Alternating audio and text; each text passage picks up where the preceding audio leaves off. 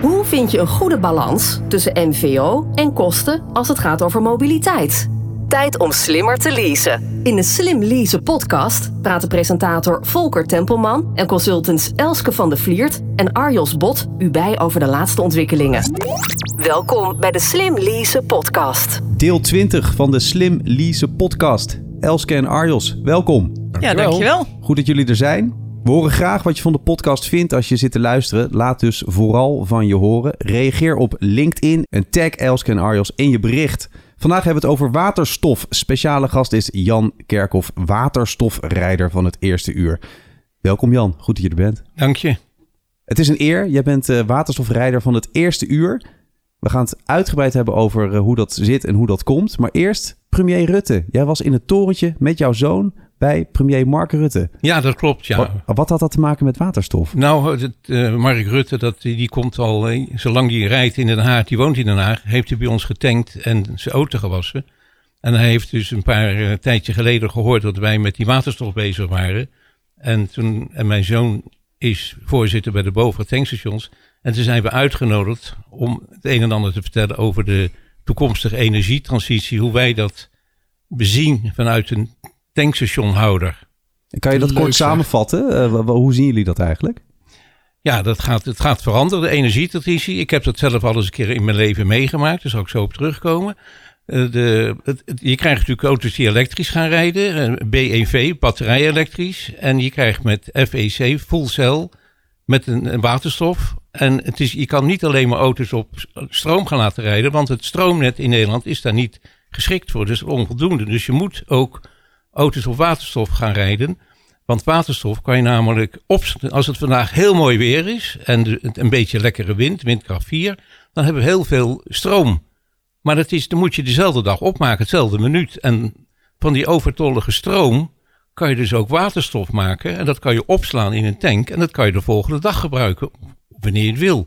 En dat is het grote voordeel van waterstof, dat je er niet aan één dag gebonden bent met stroom. Wat vond Mark Rutte daarvan toen hij dat hoorde? Of wist dat, hij het al? dat wist hij allemaal wel.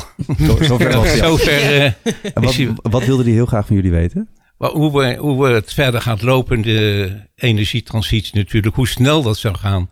Wij denken dat het iets minder snel gaat dan de overheid denkt. Ze denken nu ook alweer anders. Er is natuurlijk ernstig uh, veranderd de laatste maanden, omdat ze natuurlijk nu wel inzien dat het niet zo gaat, zo snel als ze willen. Het is natuurlijk een heel groot probleem.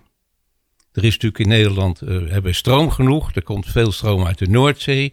En uiteindelijk is het natuurlijk, als je het ook over 20, 30 jaar gaat zien, dan komt er waterstof rechtstreeks van de Noordzee af. Dat wordt dan gemaakt op die oude booreilanden. En ze zijn ook van plan bij Bank een heel eiland te gaan maken. Dat is een ontwerp van die professor Ad van Wijk van de TU uit Delft. Die heeft er al hele mooie tekeningen van. Die tekening staat ook op onze waterstofauto. Dus iedereen die dat wil weten hoe het in de toekomst gaat, kan dat zien. Over jouw waterstofauto, je hebt net een nieuwe. Wat ja. voor waterstofauto heb je? Dat is een Hyundai Nexo, die speciaal ontworpen als waterstofauto. Dus de, de, de, je Mooi, hebt geen, geen deurgrepen ja. meer. Uh, hij is natuurlijk heel gestroomlijnd. Bijvoorbeeld een, de achteruitwisser, die zit dus onder de spoiler. Dat heb ja. ik tot nu toe nog bij geen ene auto gezien. Terwijl er natuurlijk een heel veel auto's zijn met een uh, SUV-achtige auto's die uh, in ruitwissel op je achteruit hebben zitten. Maar nog nooit heeft iemand dat er onder die spoiler gedaan. Dat allemaal zijn kleine details, maar het is wel heel leuk. Arjos, jij dacht meteen, hey, dat is mooi, want dan is er ook een andere waterstofauto van Jan, zijn vorige, ja. te koop, beschikbaar. Maar ja, Jan, nee, dat, dat nee, is dus ook is, niet zo. Die is niet te koop, die houden we zelf nog. Waarom? Nou ja, ik vind het ook leuk om als ik er ben om in, in een autoterrein bij zoon ook. Ofschoon hij tegenwoordig nog steeds in een auto rijdt met groen gas. Want het is natuurlijk het andere alternatief. Wat uh, nu al ruim beschikbaar is, groen gas. Kan je op 180 punten in Nederland tanken. En er zijn zeer veel personenauto's op groen gas te verkrijgen, maar ook bestelauto's. En bijvoorbeeld die taxibusjes die je heel vaak ziet rijden voor ja, ouderen vandaag die naar uh, ergens naartoe moeten. Of schoolkinderen die uh, niet zelfstandig over de weg kunnen. Al die busjes, er zijn er in Den Haag 100 die op groengas rijden. Ja. En dat verkopen we ook al een paar jaar. Ik wil ja. trouwens toch even zeggen, we kunnen toch niet spreken over de oude auto, hè? Ja. Dat, dat, sorry, dat, waar, ja. dat gaat maar even een brug te ver. Even die nuance wil hoe, hoe oud is die auto eigenlijk, Jan? Die auto is nu 2,5 jaar hebben ah, wij hem. En Dat, is eigenlijk, dat was een bestaande auto van Hyundai. En daar hebben ze dus een waterstofmotor ingebouwd. Wereldwijd een paar honderd. Ja. Daar rijden er onder andere ook 40 als taxi in Parijs.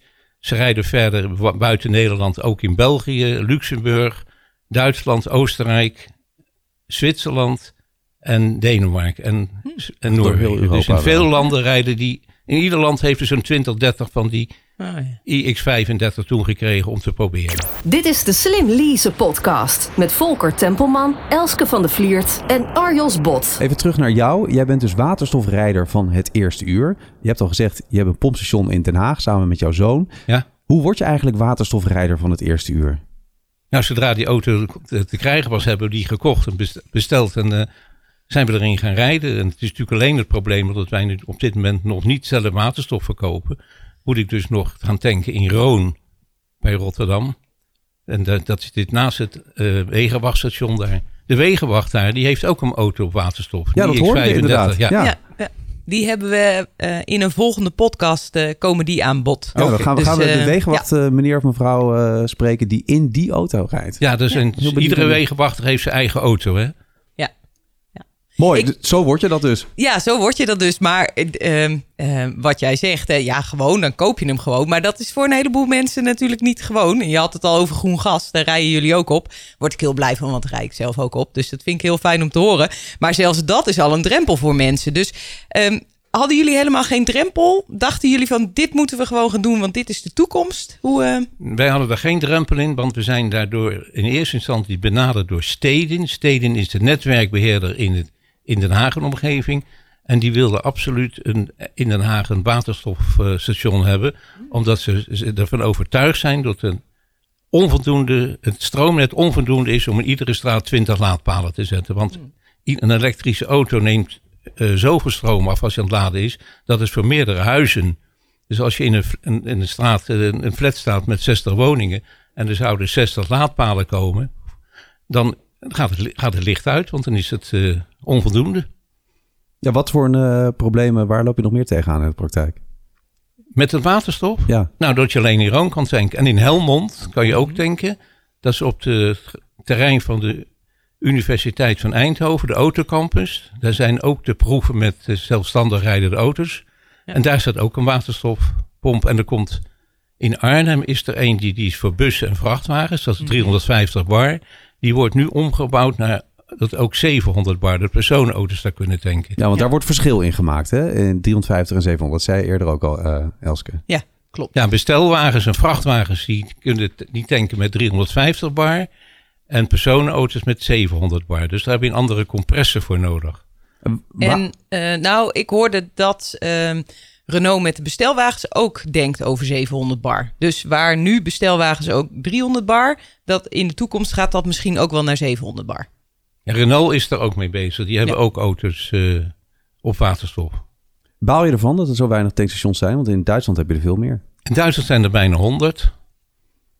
En ja, ik hoop, snel, we hopen zo snel mogelijk open gaan. Maar het is het probleem van de levertijd van de apparatuur. Want die compressor van 700 bar, dat is geen probleem. Want die fabriek staat in Nederland. En dat kan zo gemaakt worden. Alleen de levertijd is een jaar. En je mag natuurlijk allemaal pas gaan bestellen als je de, officieel de subsidies toegekend hebt, dat het afgedrukt is in de staatskrant. En ten tweede heb je natuurlijk, uh, wordt het waterstof in een auto gebracht met een temperatuur van min 40. Dus je hebt een koelinstallatie nodig. Ook dat is geen probleem. Er zijn in Europa twee fabrieken die dat maken. Maar vanwege de Europese subsidie moet het Europees aanbesteed worden. En de levertijd is ruim twee jaar. Dit is de Slim Lease podcast. Jan zit hier. Uh, Wat zouden jullie hem willen vragen over het, het waterstofrijden landschap op dit moment in uh, Nederland en Europa? Nou, was het uh, nog lastig om een vergunning te krijgen voor dat tankstation? Of was dat eigenlijk heel makkelijk? Nee, dat is geen probleem. Want mm -hmm. waterstof mag je 24 uur per dag verkopen, ook als je dicht bent. Hetzelfde als groengas, dat mag je ook verkopen. Benzine en diesel natuurlijk is, is algemeen dat je dat dag en nacht onder, zonder personeel mag verkopen. LPG mag dat bijvoorbeeld niet. Mm Dat moet je, mag je alleen verkopen als, je, als de bediening op station is. En, en heeft u een beetje een beeld? Want u noemde net een heel aantal landen en daar zijn dus een, in ieder geval een aantal waterstofauto's die daar rondrijden. Um, zelf weet ik inderdaad dat er in Duitsland wat meer ingezet is en meer faciliteiten zijn om waterstof te faciliteren en uh, mogelijk te maken.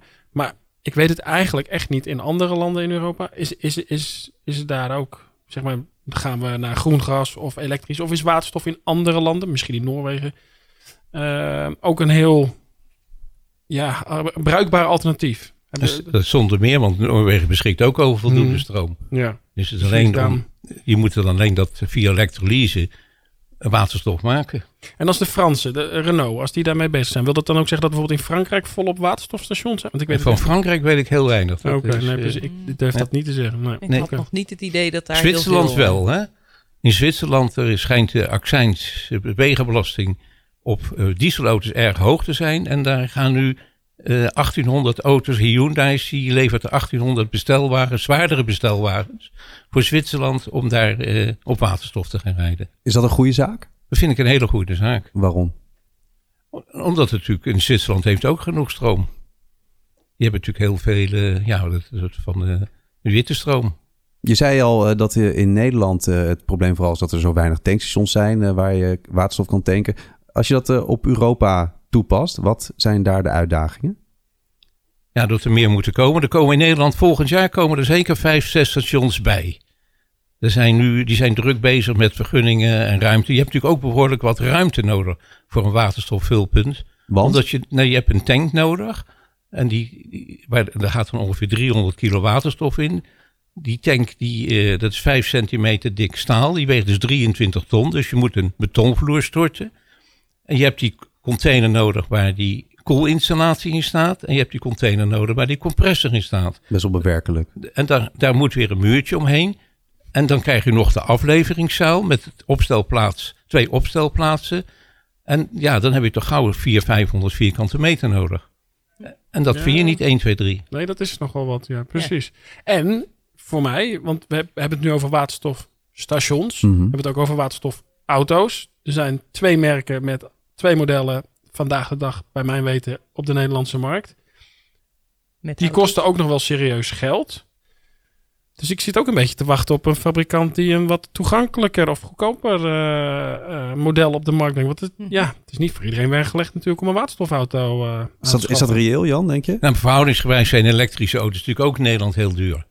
Ik bedoel, een eenvoudige auto, die elektrische, volledig elektrische auto, een batterij elektrisch dan, die, die kost er ook 40.000. Mhm. En dat is er ook niet weinig. Want als je nagaat dat de meeste personen, particuliere mensen, dan een auto kopen tussen de, van rond de 15.000, mm nieuw of tweedehands, dan mhm. is 40.000 natuurlijk een heel groot verschil.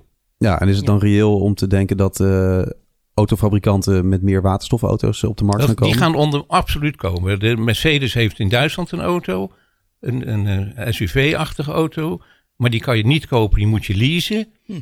Dat was voorheen bij de Toyota ook. De Toyota Mirai kon je tot voor kort ook alleen maar leasen. Mhm. Overigens komen er in Den Haag per 1 juni 35 taxis te rijden, de Toyota Mirai.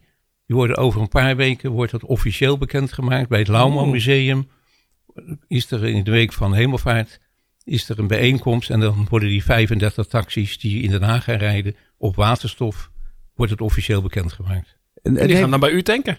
Ja, helaas nog niet op dit moment. dat is heel vervelend. Dat is wel de bedoeling. Neemt eh, Den Haag eigenlijk een uh, voortrekkersrol binnen Nederland op het gebied van waterstofrijden? Uh, met, ons, met ons station wel, want wij zijn de enigen die dat van plan zijn. Ja. Er zijn wel ook aanvragen van uit Amsterdam en ergens één bij Schiphol. Maar waar die precies bij Schiphol gaat komen, ergens in een plaatsje Hoofddorp of een van die omliggende gemeentes. Want langs de Rijkswegen is niet voldoende, hebben de stations niet voldoende ruimte om daar waterstof te gaan verkopen. En komt het dan vooral uh, door jouw eigen inzet en inspanningen dat het in Den Haag uh, al ja, dat stond er meer. goede, goede kant op gaat? Nee, 100% eigen inspanning. Omdat we er echt in geloven. Dan komt het wel uh, op een gegeven moment. Dat is eigenlijk gewoon ondernemerschap puur zang. Hè? Ja, je schouders eronder zetten en er vooral doorgaan.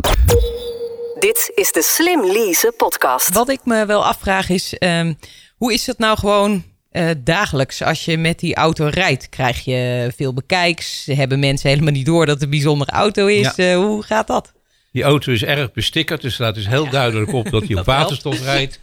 En uh, je kan niet uitstappen of er komt iemand naar je toe die, dat, die zegt van... ja, daar heb ik nou altijd gezegd, het wordt waterstof. Oh ja, ja. En dat, zijn, dat komt heel veel Mijn vrouw wil ook niet alleen in die auto rijden, want ze zegt dat doe ik niet. Ja. Dan wordt, dat heeft Te veel bekijks. Ja, te veel bekijks. Dan gaat, gaat het te hard. Ze rijdt wel mee. Oh, en verder, want het is een hele goede vraag dat van Elske. Wat merk je daar nog meer van eh, als je in een waterstofauto rijdt? Dat de mensen er heel veel belangstelling voor hebben. En daar ook in geloven. Je hoort heel vaak van eh, dat mensen niet geloven in een batterij-elektrische auto's. Vooral ook als je natuurlijk al op straat moet op gaan laden. Dan ben je afhankelijk van of die laadpaal vrij is. Ja, En de- of er nou zes of zestien laadpalen in jouw straat staan. Als er meer auto's zijn, batterij-elektrische auto's die willen opladen. En ze zijn allemaal bezet. Dan mag jij wachten tot die meneer of mevrouw zo goed is om haar auto weg te halen is opgeladen. En dat gebeurt niet. Men haalt die auto niet weg als die vol is.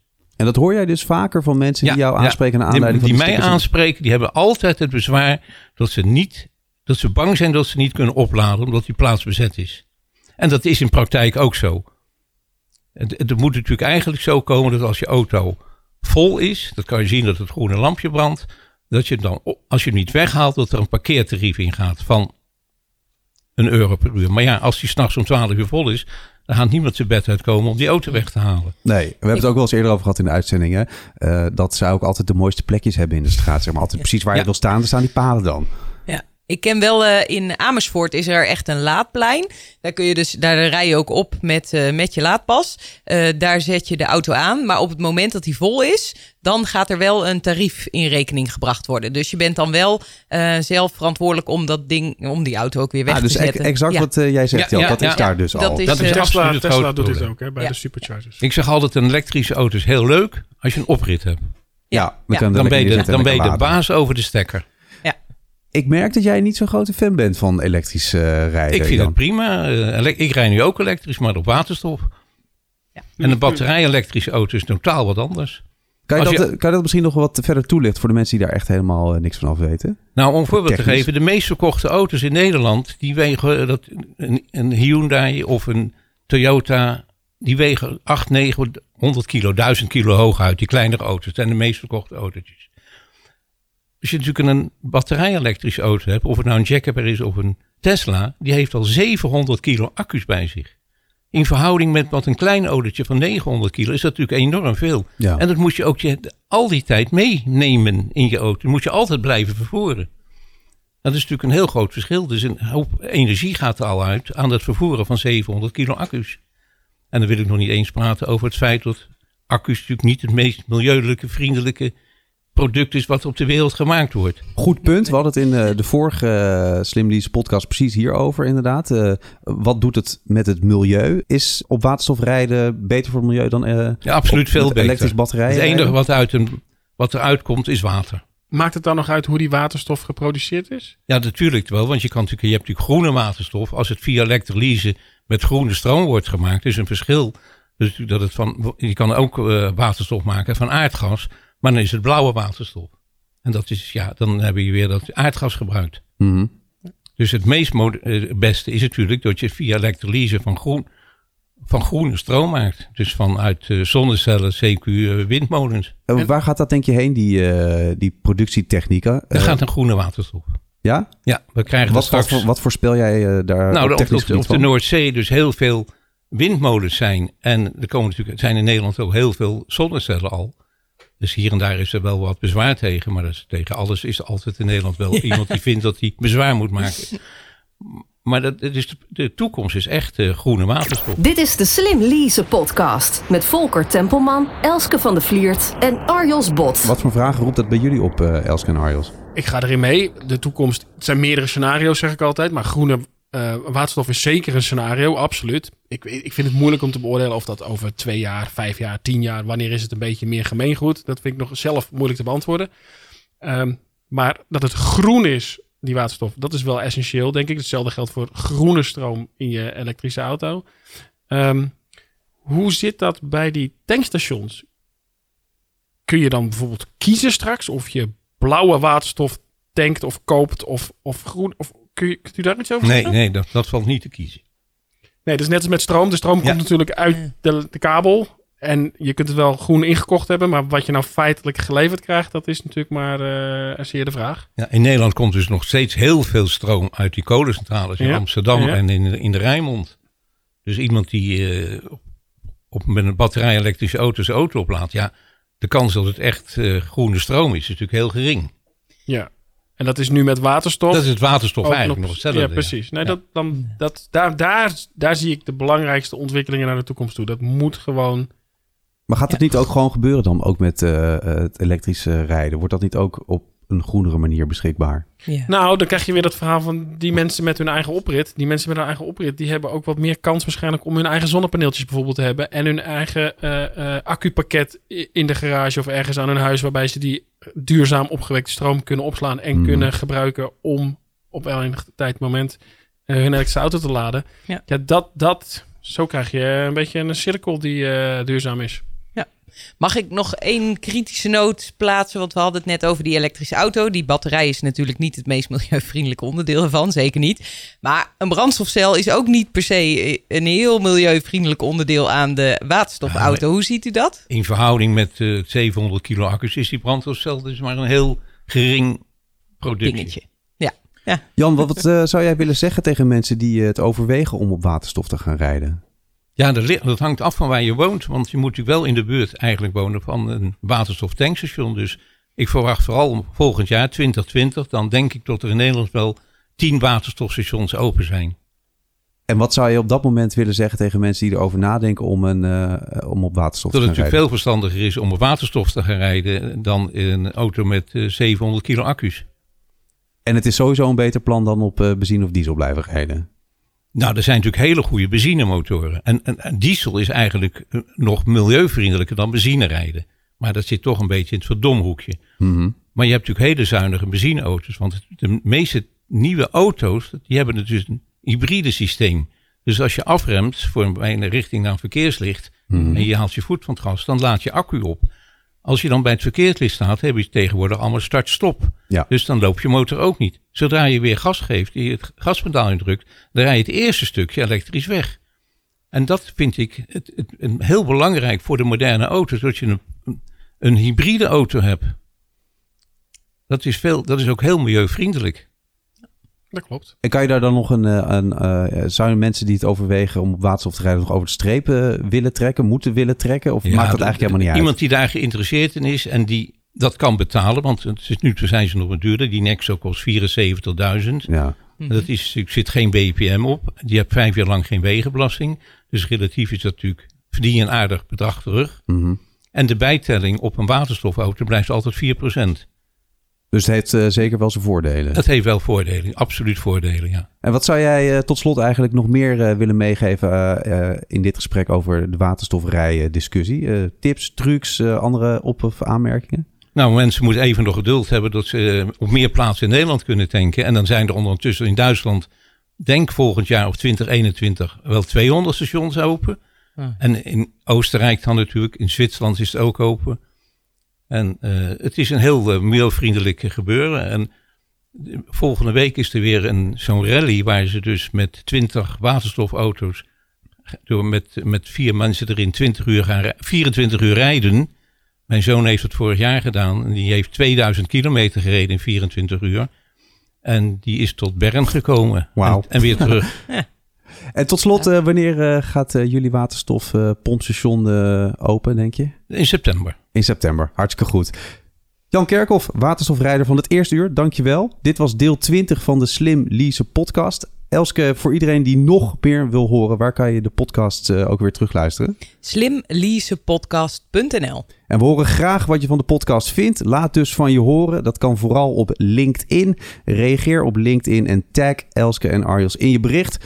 Volgende keer meer over waterstof. Dan is Mike Belinfante te gast. Mike is Public Relations Manager bij Hyundai Motor Netherlands. Tot dan. Tot zover deze aflevering van de Slim Lease podcast. Zorg dat je op de hoogte blijft van alle ontwikkelingen op het gebied van zakelijke mobiliteit. En luister ook naar de volgende aflevering.